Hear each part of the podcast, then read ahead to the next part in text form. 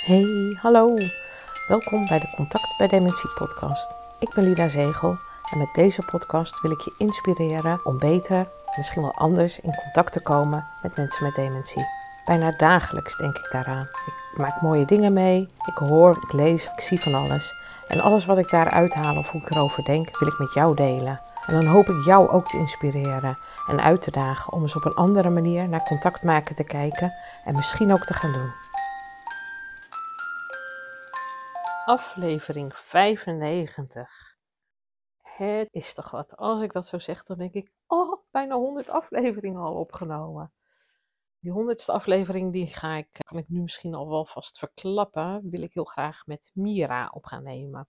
Met Mira meerdere afleveringen al opgenomen en met als hoogtepunt uh, misschien wel de recordpoging in de week van beeld en geluid, of van de week van nou weet ik ook niet meer precies hoe het heette, maar dat we toen podcast hebben opgenomen in uh, de recordpoging.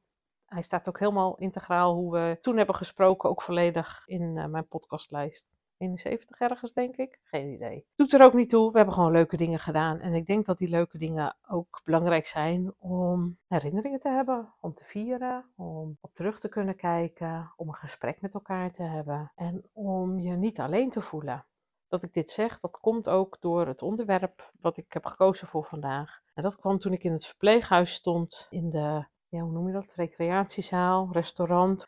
Een klein A4'tje zag hangen en daar stond op: Een tong heeft geen botten, maar is wel sterk genoeg om iemands hart te breken. Dat viel niet super op, maar het viel mij wel op. Dus blijkbaar was er wel iets waardoor dat opgehangen was op die plek. Geen idee.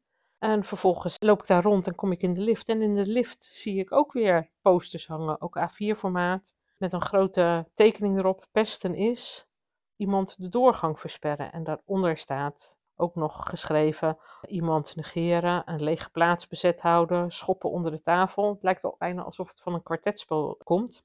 Want in een andere lift hing pesten is een lege plaats bezet houden. Nou, die stond dus ook in dat rijtje. En daaronder stond weer iemand negeren, iemand de doorgang versperren of schoppen onder tafel.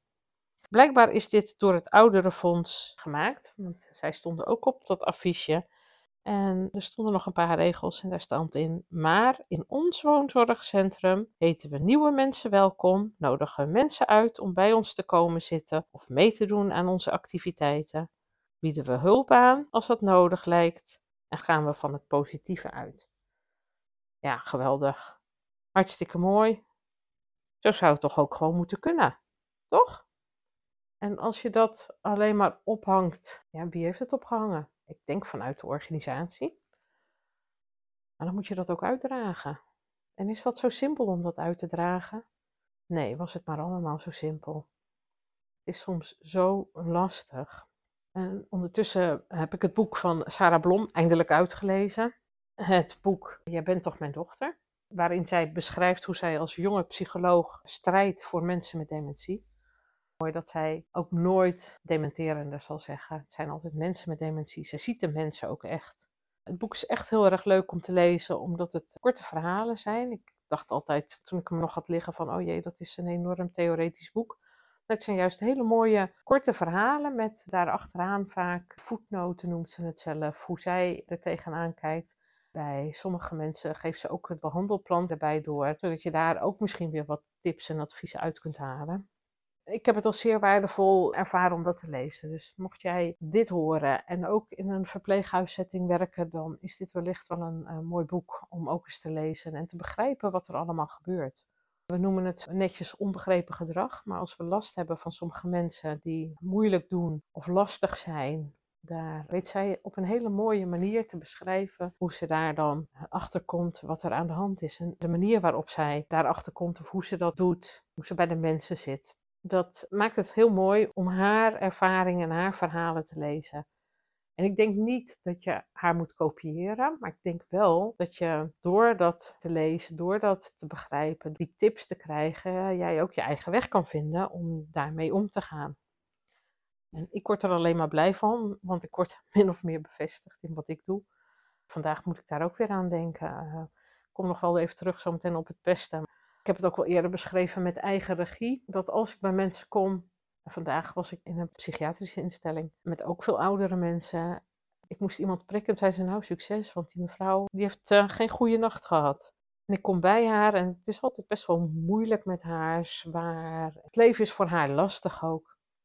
En vandaag, we hebben zo waar gelachen. We hebben echt heel veel plezier gehad met elkaar ook. En waardoor komt dat? Ik denk ook door, ook weer wat ik bij, bij Sarah Blom lees. Zij stelt zich altijd voor. Ik stel mij ook altijd voor als ik binnenkom. Of ik zeg, ik ben het, ik ben Lida, kom bloed bij u prikken. Of ik zeg, ik ben van de trombosedienst. Ik weet niet of ik altijd mijn naam voluit zeg. Maar vaak zeg ik mijn naam wel. En vervolgens vraag ik ook altijd of ik mijn tas op hun tafel mag zetten, of op hun bed mag zetten, of op de stoel even mag zetten. Voordat ik verder ga. En ik vertel wat ik doe. En als mensen zeggen dat ze het heel erg spannend vinden, dan zeg ik dat ik dat ook snap. Dat is ook zo. En dan heel vaak vertel ik ook dat ik het ook moeilijk vind. En dat ik dan ook denk: moet ik dan wel kijken of niet kijken? Dus door dat in te kunnen voelen en te kunnen begrijpen en dat te kunnen verwoorden, kun je mensen juist weer geruststellen. En dat is dan, vind ik wel weer heel erg mooi. En ook waarom ik het fijn vind, leuk vind om dit werk te doen. Maar over pesten. Ja, wat Sarah in haar boek schrijft, er gaat één uh, hoofdstuk gaat over iemand die als meisje, vrouw, altijd gepest is geweest. En daar reageert Sarah op, want zij begreep het ineens toen die vrouw zei van ja, en dan zeggen ze van uh, ja, jij doet het wel weer, jij met je, met je vlekkenkop, ga jij het maar opruimen. Waarop zij zegt van, hè, zeggen ze dat dan? Het is wel oprecht, maar het is wel een soort bewust spel wat je opzet. En dat klinkt bijna niet aardig, maar het is juist vanuit die oprechtheid dat je dan denkt van, zeggen ze dat nou echt? En zij vraagt dan door, hoe voelt dat? Ik snap het, doet het veel zeer. En waar voel je dat? En vervolgens gaat die mevrouw uitleggen dat het ter hoogte van de borst bij de longen zeer doet en en als ze dan vraagt, maar wat zou je dan het liefste willen? Dan zegt zo'n mevrouw van ja, ik zou mee willen doen met de anderen. En daarmee klinkt een stem verdrietig, dat ze dan ook zegt dat als ze dat doen, dat ik erbij ben. Vandaar, nou, ze wilde gewoon bij horen, gewoon erbij kunnen zitten. En waarop Sarah dat dan ook bevestigt, van ja, dat zou fijn zijn, erbij zijn. Wat zou u doen als u erbij was? En dan vertelt die vrouw vervolgens hoe ze eigenlijk als een kind zou reageren. Springen erbij zijn en lachen. En waarop Sarah zegt van, weet u mevrouw, ik vind het zo fijn om u te zien, ik mag u zo graag. En u bent altijd zo vriendelijk voor me, wij zijn vriendinnen. En daarmee legt ze ook uit dat ze zich gelukkig voelde, omdat ze ook denkt dat ze weet hoe het vroeger voelde, want ik ben vroeger ook gepest. Waarop die mevrouw net zo verbaasd kijkt. Ja, zegt ze dan, van ja, en dat doet ook heel veel pijn, dat deed mij ook heel veel pijn hier. En daarmee maakt ze ook die verbinding. Ik denk dat ik dat ook doe. Ik ga dat nu veel bewuster doen. En dat is dus van jou ook als je dit hoort. Om daar bewust soms mee om te gaan. Ik vind het fijn om u het weer te zien. Oh, wat fijn dat ik u weer heb gezien. Als ik bloed prik, ben ik ook afhankelijk van een ander dat hij stil blijft zitten, dat hij zijn arm geeft, zijn vertrouwen aan mij geeft en dat ik mijn werk kan doen. En dat betekent wel dat ik een naald in iemand moet steken. Nou, als ik daaraan denk, vind ik dat ook moeilijk en vreemd. Maar zo denk ik er niet over, want ik denk functioneel als een handeling. Maar als het bij mij gebeurt, dan kijk ik er ook op een andere manier tegenaan. Er wordt een naald in mij gestoken. Dus door dat te kunnen beseffen, kan ik ook een ander daarmee helpen. Wat ik eh, vandaag ook weer heel veel heb gedaan, is wat fijn dat u me helpt. Want we moeten echt samenwerken, anders lukt het mij ook niet. Het was vandaag twee keer wel, twee keer minimaal, bij mensen die ook vrij moeilijk te prikken zijn. Dan ook nog eens een keer in een setting dat ze in een instelling verblijven dat maakt gewoon dat mensen ja, wat kwetsbaarder zijn. Maar door op een normale manier in gesprek te zijn en dankbaar te zijn dat we zo goed kunnen samenwerken, heb ik ook twee keer terug te horen gekregen. Ja, en dat is nodig, samenwerken. We moeten samenwerken. En dat is het ook. Je hebt die samenwerking gewoon nodig. En als ik dan terugdenk aan wat ik in de liften zag hangen, dan denk ik van ja, pesten. Je kunt iets wel pesten noemen, maar je kunt niet beseffen dat je pest als je die spiegel niet voorgehouden krijgt of als iemand je daar niet in helpt of in begeleidt. En soms moet je dat ook laten zien. Want je kunt wel zeggen, in dit huis doen we dat niet. In dit huis heten we iedereen welkom. Maar ik heb al eens eerder gezegd, als je een vaste plek hebt in een eetzaal en je zit daar met een vaste groep en er komt een nieuw iemand en die gaat daar ineens zitten op een plek waar anders je buurvrouw zou zitten of degene die daar een vertrouwde plek heeft, dan is het helemaal niet leuk om te zeggen, hé, hey, daar zit altijd iemand anders, je kan hier niet zitten. En daarom is het ook belangrijk dat personeel dat ook beseft en begrijpt. Die kunnen dan wel zeggen, ja, maar niemand heeft hier een vaste plek. Nou, dat is niet zo. Dus daarin moet je wel met elkaar samenwerken om te kijken hoe je dat op de beste manier kunt oplossen. Dat is veel meer werk en veel intensiever dan alleen maar A4'tjes ophangen met sterke teksten. Want die teksten doen niks op het moment dat je er zelf niks mee doet. Dus je moet ook het goede voorbeeld geven. Wat ik vaker vertel en ook uh, als afleveringen al heb gezegd, is dat je die regie uh, bij de ander legt. Als ik bij iemand binnenkom, dan klop ik op de deur en dan vraag ik: mag ik binnenkomen? En eigenlijk zegt iedereen altijd ja, want iedereen wil sociaal wenselijk zijn. Ik uh, kom bloed bij u prikken. Welke arm mag ik u prikken? Dan wijzen mensen ook heel vaak een arm aan. Kwam vandaag bij iemand die zei nee, een hand. Het was alleen lastig dat ze enorm schrok en de hand terugtrok. En ik nog niet in haar beweging mee zat. Dus uh, ja, met een naald in mijn hand achterbleef. Wat betekende dat ze nog een keer geprikt moest worden. Dus dat legde ik haar uit. Dus zei ik van ja, nu, nu moet ik u nog een keer prikken, want ik ben heel erg geschrokken. En zei ze nee. Ik dacht oké, nou dan niet. Want het heeft geen zin om te zeggen ja, maar het moet, het is heel erg belangrijk. En zeker niet voor mij als buitenstaander. Maar wat er gebeurde is dat er iemand van de begeleiding uh, kwam. Die zei van ja, maar het moet eigenlijk wel gebeuren. Het is wel heel erg belangrijk voor haar. Oké, nou dan mag je me helpen. Hij zei nou prima, dan kom ik je helpen ging ze naar die mevrouw en zegt, ja, eigenlijk moet je wel geprikt worden. Die mevrouw zegt, nee, dat wil ik niet. Toen konden we allemaal aangeven, nou, dat snappen we. We begrijpen heel erg goed dat u dat niet wil. Alleen, we kunnen u beter helpen als we deze uitslagen krijgen. Mogen we het alsjeblieft nog één keer proberen? vindt u het goed als ik u dan help? Waardoor die mevrouw uiteindelijk ja zei. En daarin, zij was niet degene die zei over samenwerking dat het belangrijk was. Maar zij was wel degene die het ons liet zien hoe belangrijk die samenwerking was. En hoe we met z'n drieën dat uiteindelijk goed hebben kunnen oplossen. En uh, dus een goede draai aan hebben kunnen geven. Ook al was het zo vervelend begonnen.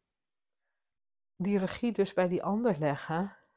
Wel proberen te motiveren waarom jij iets anders denkt. En te kijken van hoe kan ik dan samen met die ander tot een goede oplossing komen volgens mij is dat de sleutel om rust, plezier, warmte in de zorg en in je contact met anderen te houden. Een van de dingen wat me ook opviel in het boek van Sarah was over toneelstukjes meespelen. Dat zij, zij noemt dat zelfs ook bijna toneelstukjes. Dat zij gaat spiegelen wat mensen doen. In een verhaal herinner ik me dat er een mevrouw zo boos was boos was op iedereen en alles. En dat zij aan de zorg eerst heeft gezegd: Oké, ik wil graag de deur openen bij die mevrouw. Maar dat gaat heel erg vervelend worden, want die mevrouw is boos. Die had ook iets afgepakt van een ander. Nou, dat kun je pesten noemen. Als ik terugdenk aan de posters in de zorginstelling. Alleen deze mevrouw deed dat niet om te pesten, maar die deed dat vanuit iets in wat haar in het verleden was overkomen. En Sarah die ging naar de zorg en die zei: Weet je, jullie zijn nu heel hard bezig om dat uit haar handen te grissen. Dat werkt niet, het gaat niet lukken. Jullie moeten me even vertrouwen. Ik ga zo meteen heel hard schreeuwen. En ik ga heel erg boos doen tegen jullie, maar dat is een toneelstuk. Wil je dat alsjeblieft zo zien ook? Dus het is niet persoonlijk, maar jullie gaan aan het eind van de gang staan en daar blijf je staan. Je komt niet dichterbij en je doet verder niks. Dus hij van, dan tel ik tot drie en dan doe ik op dat moment doe ik pas de deur open en dan weten jullie wat er gaat gebeuren. Dus zo had de mensen heel goed voorbereid. En op het moment dat ze die deur opendeed en die mevrouw zo boos was, heeft zij helemaal meegedaan dat zij ook boos was. En is ook heel hard gaan schreeuwen en heel hard gaan roepen. En is ook de zorg gaan uitschelden. Die mevrouw was gewoon de veiligheid kwijt. Die had niet meer het vertrouwen dat iemand haar nog begreep. En door op die manier met haar mee te doen, te spiegelen wat zij deed, en dat als toneelstuk uit te leggen aan de zorg. Maar het moet niet een toneelstuk zijn wat slecht geacteerd is, want dan val je direct door de mand. Want als er iets is wat juist bij mensen waar breinen haperen gevoeliger wordt, dan zijn het de stemgeluiden, de intonaties, de lichaamshouden, de blikken in de ogen. Het zijn heel veel verschillende dingen die mensen veel meer oppikken dan dat ze eerder deden. Het gevoel wordt steeds sterker op het moment dat de woorden wegvallen, denk ik. En waar het vermogen om iets te doen wegvalt, wordt juist het gevoel veel sterker. En door op die manier dan ook, zoals dat toneelstukje wat ik net aan het uitleggen was, mee te gaan doen, spiegel je als het ware, of laat je zien, wat, wat de ander doet. En dat het ook iets met jou doet. Maar het moet altijd oprecht en echt zijn. Op het moment dat je het alleen maar kopieert en er zit geen gevoel bij, dan heeft het niet zoveel zin. Dus je moet het wel echt doorvoelen ook en kunnen begrijpen. Dus dat oprechte is zo belangrijk. Het is zoeken naar dat. En ik weet dat het voor iedereen lastige woorden zijn. Niet iedereen vindt die woorden allemaal even goed. Uh, het maatjesgevoel, het samen op één lijn zitten. We zijn vriendinnen. Dat soort woorden, dat soort dingen. Dat is eigenlijk waar je naar op zoek bent. En op die manier kon Sarah dus ook zo spiegelen en laten zien van dat het onredelijk was wat er gebeurde. In dit geval had die mevrouw had een pop meegenomen en ze wilde die pop niet meer loslaten, terwijl die pop van een andere mevrouw was. Maar kon Sarah wel het spel meespelen van, hé, hey, wat ruik ik nou? Heeft ze een poepie gedaan? Moeten we daar niet wat mee doen? Daardoor kon ze langzaam in ieder geval die pop rustig uit de armen van die mevrouw krijgen.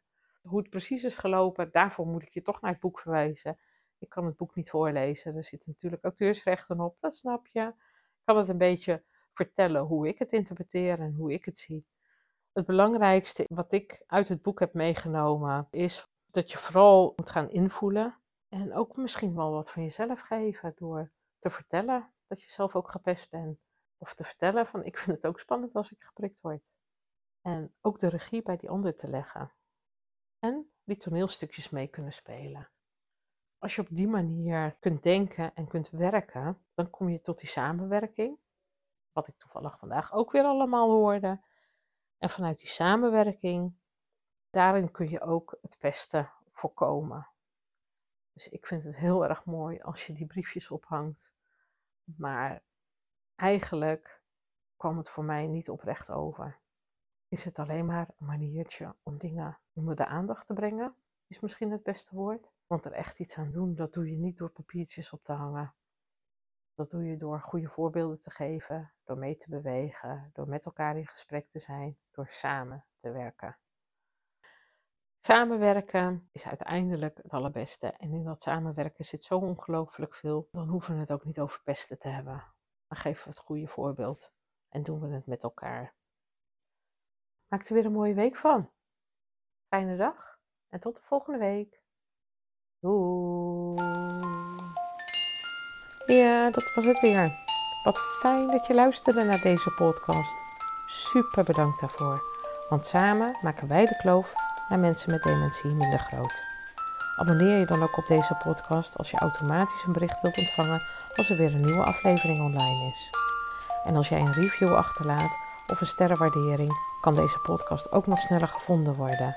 Hoe mooi zou dat zijn? En het zou nog fijner zijn als jij jouw positieve ervaringen wil delen op een van je socials, bijvoorbeeld met een schermafbeelding. Je kan het altijd doorvertellen natuurlijk. Nog makkelijker. En wil je mij persoonlijk benaderen? Dat kan via mijn Facebook of Instagram pagina van Maatcontact of per mail lida.maatcontact.nl Nogmaals, super bedankt voor het luisteren en heel graag tot de volgende keer.